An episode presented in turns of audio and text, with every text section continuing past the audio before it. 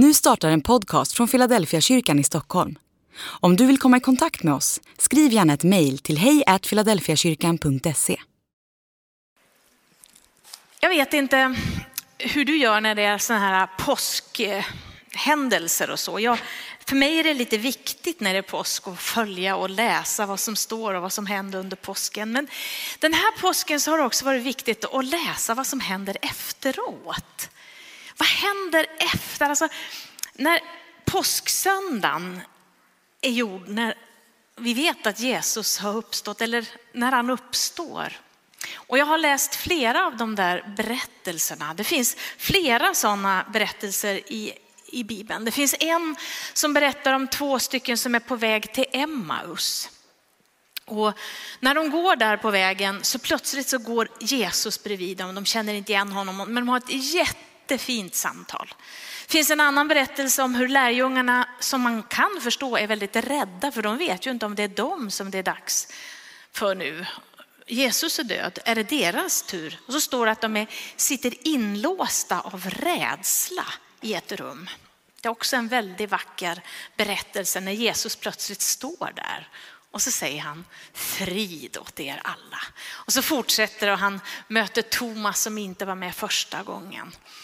Och så finns det en berätt, ytterligare berättelse när Jesus möter lärjungarna på stranden och de känner inte igen honom då heller. En annan berättelse om hur Jesus möter Petrus och Petrus får göra upp med allt det som hände honom under påsken. Han förnekade Jesus tre gånger. Passa på och läs de där berättelserna. Nu ska jag ta med er till en ytterligare berättelse som är i de här trakterna. När man tittar på uppståndelsen så finns det ju ingen som är direkt ögonvittne till uppståndelsen. Har du tänkt på det? Det är liksom ingen som är där just då när Jesus bara liksom skakar av sig de här bindlarna eller vad han gör och stiger upp och går ut ur graven. Det är ingen som berättar om det. Det verkar inte finnas någon, något ögonvittne till just det uppståndelseögonblicket. Men vi har många berättelser om hur människor möter den uppståndne. Och nu ska vi möta en kvinna. Hon mötte den uppståndne, hon var, en av dem, eller hon var nog den första som mötte Jesus efter uppståndelsen. Men hon var också ett ögonvittne till Jesu död. Och jag tänkte det var lite viktigt att ha med sig i den här berättelsen. Så här står det i Johannes 19. Men vid Jesu kors stod hans mor och hennes syster, Maria som var gift med Klopas och Maria från Magdala. De stod vid korset, alltså hon var där. Hon jag ska berätta om, Maria från Magdala. Hon stod nära, hon såg allting. Hon var ögonvittne till det som hände på långfredagen.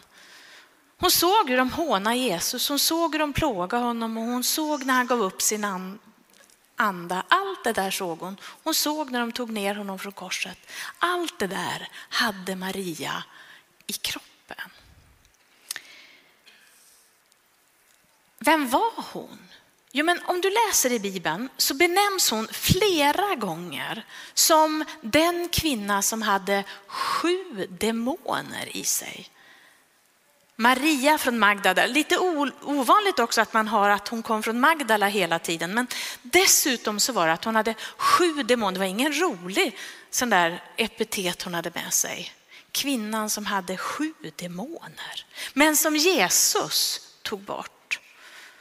Man gissar också att hon ägnade sig åt prostitution. Så det här var en kvinna som inte var högt aktad. Kvinnor överhuvudtaget hade ingen stor plats i samhället på den tiden som egna individer. De var inte vittnesgilla, så egentligen var det ju slöseri att visa något för en kvinna för att man behövde inte tro på henne. Hennes liv var ju inte som det skulle, Maria. Sju demoner, arbetat som prostituerad, men hon mötte Jesus. Och vet du, hela hennes liv blev förvandlat. Hon fick vara med. Hon var en av de som man förstår var väldigt nära Hon stod vid Jesu kors tillsammans med mamma när Jesus stod. Hon var med i flera sammanhang så det verkade som att Maria verkligen kom nära och hela hennes liv förändrades. Hon var inte längre utanför utan hon var med.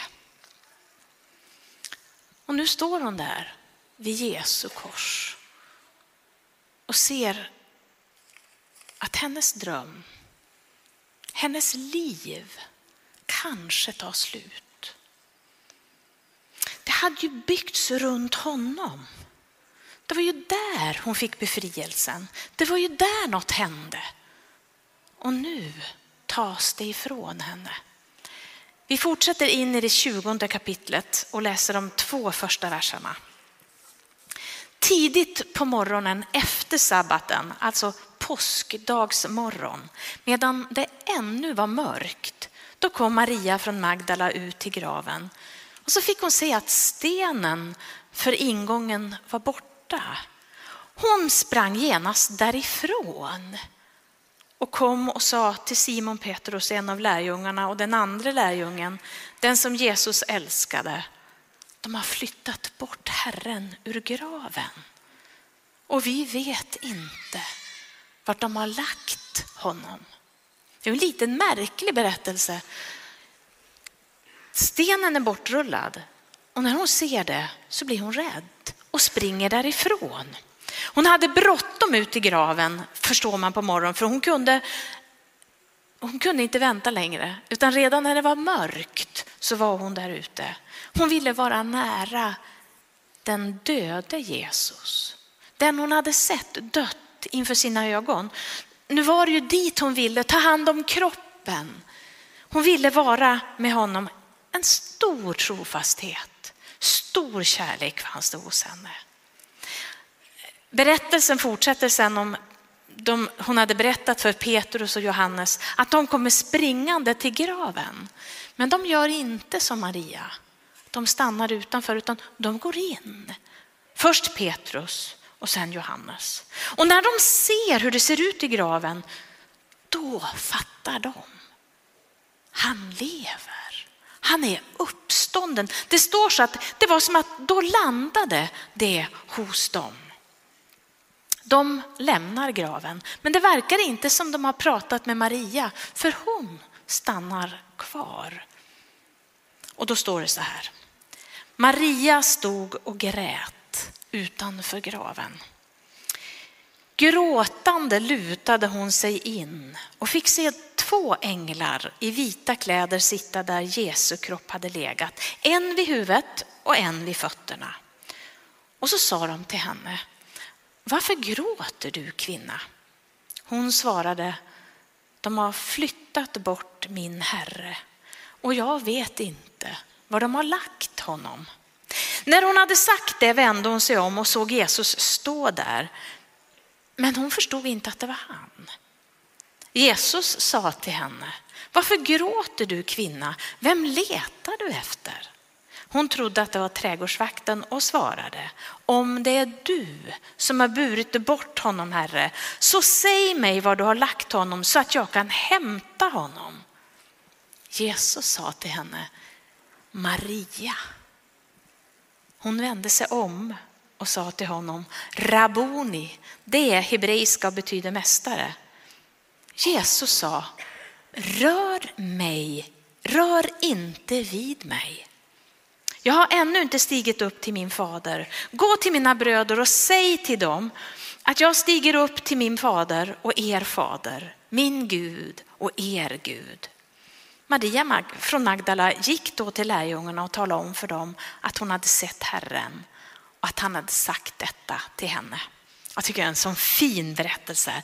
Här hittar vi Maria och så står hon och gråter utanför graven.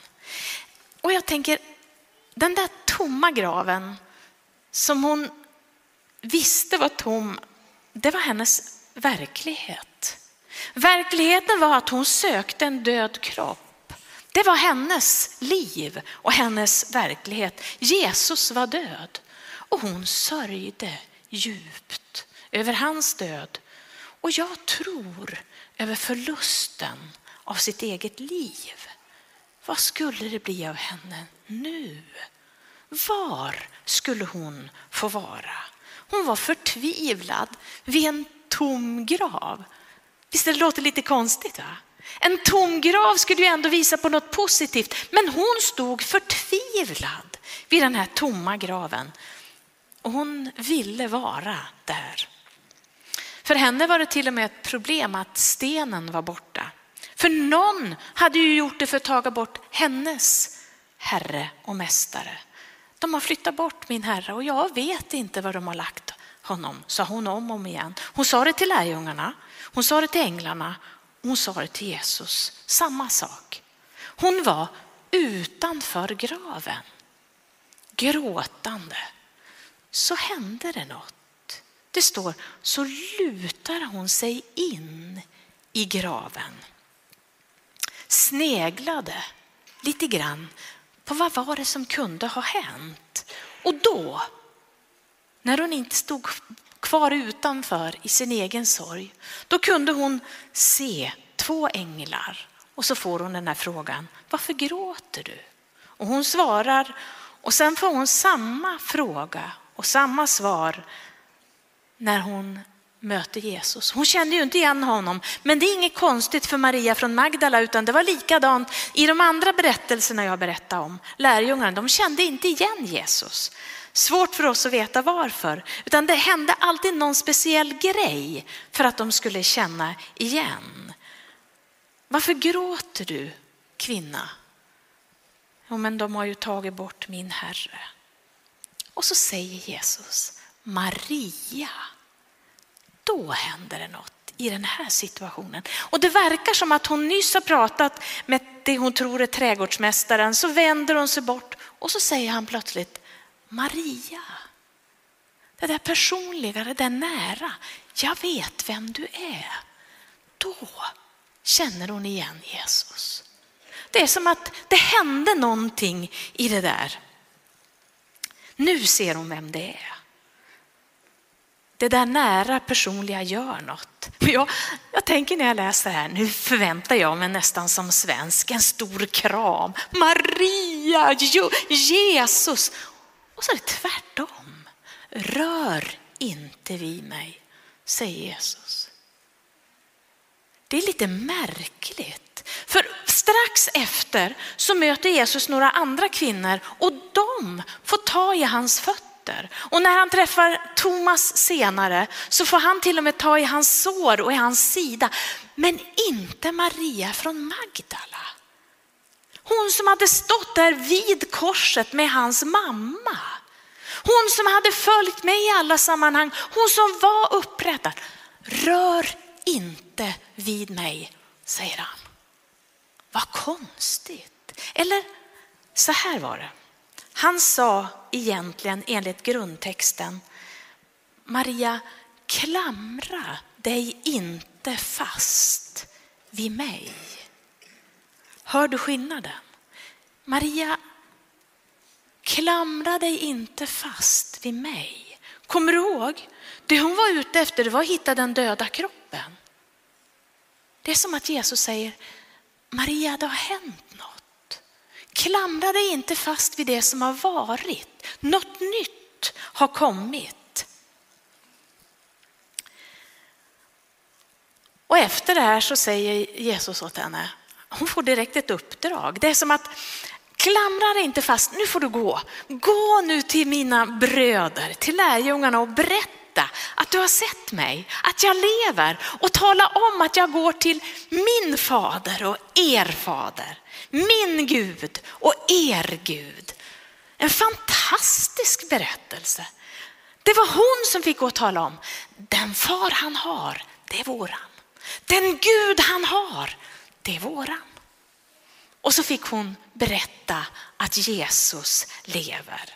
De stora goda nyheterna. Jag måste få tänka, vad hände med Maria under den här berättelsen? Från att stå vid den tomma graven och bara sörja. Den döda kroppen som var borta. Livet som skulle troligtvis förändras till att vara den som berättar. Han lever. Jag känner liksom befrielse. Jag känner liv, jag känner liksom att det är en stor kraft. Hon blir uppståndelsens vittne. Hon som var dödens vittne var nu uppståndelsens vittne. Han lever. Och då tänker jag, vad kan vi lära oss av det här, du och jag? Det måste ju finnas något i den här berättelsen som kan lära oss någonting för våra liv. Det jag tänker, det är att Maria, hon verkar ha behov att hålla fast vid det som har varit hennes liv. Och jag har full förståelse för Maria. Jag fattar. Ja, men här hade hon ju fått ett nytt liv. Hon fick vara med. Hon var trygg med det här. Hon var nöjd. Hon hade ett bra liv nu. Men nu var det annorlunda. Och det Jesus, när hon kallar honom för rabboni, så var det lärare, mästare, men nu var Jesus någonting mer. Jag tror det var det Jesus ville berätta för Maria. Maria, det har hänt något. Jag är något mer. Jag är herrars herre. Jag är kungars kung. Jag är den som har gett mitt liv. Jag är den som har segrat. Jag är A och O. Allt det där man kan läsa om i Bibeln. Det var så mycket som måste in nu i Maria. Det var inte längre som det hade varit. Det var någonting nytt. Och Maria behövde förstå det här. Det var som att hon behövde komma vidare i livet. Ibland tänker jag att det är så här för oss också. Vi håller fast så lätt vid det där som är tryggt, det vi känner till och det vi kan förklara. Jag tror att du är precis som jag, det är så lätt att göra det där. Äh, men det, här, det här är mitt, här känner jag mig rätt bra. Här hör jag hemma, här mår jag bra. Tänk om vi som Maria missar själva livet. Därför att jag har vant mig med det här. Jag missar det där som är mycket större och som skulle kunna leda mig till någonting som fördjupar både mitt och andras liv. Jag tror till och med att det finns någon här som håller fast, inte bara vid det trygga, utan kanske till och med vid en sorg eller en oförrätt du vet, det kan vi också hålla fast vid. För hennes var ju också sorgen. Att hålla fast vid en sorg, det som har drabbat mig. Egentligen är det ju konstigt. För vi skulle ju egentligen vilja komma ifrån det där som är svårt. Men det är väldigt vanligt att vi låter det där svåra prägla våra liv. Vi vill ha igen den där förlusten vi har gjort, det där vi har förlorat. Vi vill ha som vi har haft det. Det är lika förståeligt som för Maria. Men vad händer med livet? Jag tror att vi som människor har en tendens att ibland kapsla in oss och igen förståeligt utifrån det som drabbar oss. Men jag tror att Gud själv vill skrapa på den ytan. Och så säger han, jag vill något mer med dig. Du ska få uppleva något mer. Det finns en framtid. Du vet, det är inte bara det som var här bak. Det var inte bara det du skulle känna dig trygg i. Det finns något mer. Det finns något lockande i det här ifrån Jesus själv. Det är så lätt att jag stänger in mig i min verklighet. Och det är det som blir sanningen. Och den är sanning. Men Jesus vill visa att det finns någonting mer.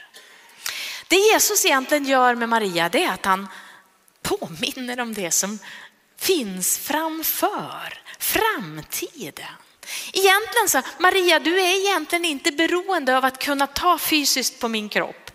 Därför att jag kommer vara närvarande på ett annat sätt nu. Alltid och jämt. Han, du, du, du kan tro utan att du behöver röra vid mig. Han sa samma sak till Thomas. Du tror därför att du såg, saliga de som inte har sett men ändå tror. Det finns liksom någonting där när Jesus säger, ja, men grejen är inte att du har tagit, utan grejen är att du tror. Att du vill ha en gemenskap med Gud. Och så tänker jag att Jesus, han är och drar någonting där i Maria som jag tror att hon var med och hörde. För bara några dagar innan så hade Jesus sagt så här. Det är för ert bästa som jag lämnar er. För då ska jag sända min helige ande, hjälparen, en som är samma sort som jag. Och han ska för alltid vara med er. Det kanske var det han påminde Maria om. Du vet Maria, jag är begränsad i min närvaro här, men genom den helige ande så kommer jag vara nära jämt. Maria, våga steget, lämna det där och gå fram i framtid. Gå in i det som är tänkt. Anden är framtiden. Anden kommer alltid med framtid, alltid nära och för en människa in i framtiden. När jag läser den här berättelsen så ser jag att Jesus, trots allt det här, jag är så fascinerad för att skulle jag möta någon som stod och grät där så skulle jag säga, men Maria skärp dig. Du har väl ändå hört att jag skulle uppstå. Men han möter Maria där hon är. Vet du, det ska du komma ihåg. När Jesus vill möta så kräver han inte att du ska veta och kunna allt. Utan han, han möter dig där du är. Till och med Maria som sörjde en död kropp mitt i uppståndelsens välsignelse. Så kommer han dit och säger Maria. Han mötte Maria där hon var. Och han möter med henne med framtid. Gå och berätta. Berätta hur det är. Han ger henne en framtid. Märker du det? Det är som att han säger, jag ger dig det här i dina händer. Kommer du ihåg vad jag sa? En kvinna var inte vittnesgill. Hon räknades absolut inte med Maria från Magdala. Och nu säger Jesus, ta nu det här. Berätta för de andra att jag lever. Och jag går till min far, er far. Jag går till min Gud, er Gud. Och det här fick hon som uppdrag in i framtiden. Och det här, det skulle vara så spännande att veta hur det gick vidare för henne, hur hon berättade om det. Jag ska fråga en dag i himlen, hur gjorde du Maria? Det vore roligt att veta. Men det är oerhört vackert. Från att ha varit fast i det gamla, fast i sorgen, fast i sin verklighet, rakt in i framtiden. Jag känner ju igen det här med framtid. För Gud är framtidens Gud. Han är närvarande här och nu, han är dåtidens Gud. Men det är som han hela tiden vill framåt och gå vidare. Och någonting han vill ge oss. Framtid och hopp hör ju ihop. Så här står det i Jeremia 29 och 11, den senare delen. Jag ska ge er en framtid och ett hopp. Jag tänker att det är det han ger Maria här. Han gör det igen. Maria, stanna inte här. Du har något som ligger framför dig. Stanna inte i det trygga. Stanna inte i din sorg. Låt inte det bli märket på ditt liv. Jag har en tanke. En framtid och den kommer troligtvis att se annorlunda ut. Men inte sämre för det. Du som har en stor sorg i ditt liv. Jag har en hälsning till dig idag. Det finns en framtid. Den kommer kanske att se annorlunda ut. Men den behöver inte vara sämre. Våga gå med Gud och säg nu går vi tillsammans. Eller du som har fastnat i trygghet. Det finns något framför. Annorlunda men inte sämre. Det kanske inte är så att du får igen det du har förlorat, men du vinner något annat. Han gör det med dig. Han gör det med mig. Han möter oss där vi är. I sorg, i trygghet, i rädsla, i längtan. Och där vill han visa att det finns en framtid. Gud har något i framtiden för dig, med dig, i dig. Och den helige ande vill alltid rikta oss framåt. Behöver du framtid och hopp i ditt liv? Har du stannat upp? Har du fastnat i vanan även om den är god? Eller i det trygga? Eller oförrätten eller förlusterna? Jag tror att det finns, precis som för Maria, en väg in i framtiden. Något nytt. Låt oss be. Jesus Kristus. Tack för att du mötte Maria med respekt och kärlek precis där hon var. Även om hon sörjde något som, som egentligen inte fanns, för din döda kropp fanns inte, så var det där du mötte henne. Jag älskar Jesus att du sa Maria och hon kände igen dig. Tack Herre för att hennes liv fick en framtid. Det var inte slut med det här utan hon fick något nytt. Och Jesus, nu ser du vi som sitter här. Jag vet inte vad det är vi bär i våra hjärtan, men jag vet att du har en framtid, att du har ett hopp, att du har goda tankar för oss. Och det finns ingen som är utanför, utan Herre, du kallar oss till en ny frihet, till en ny glädje. De goda nyheterna om att du är vår far och vår Gud gäller oss också. Amen.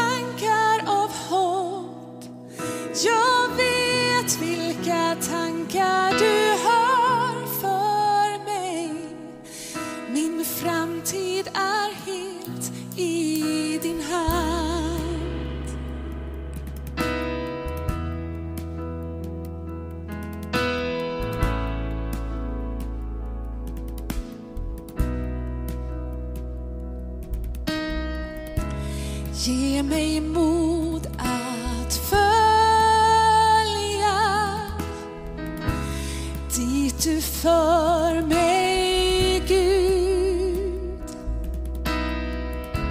Ge mig kraft att våga lita på dig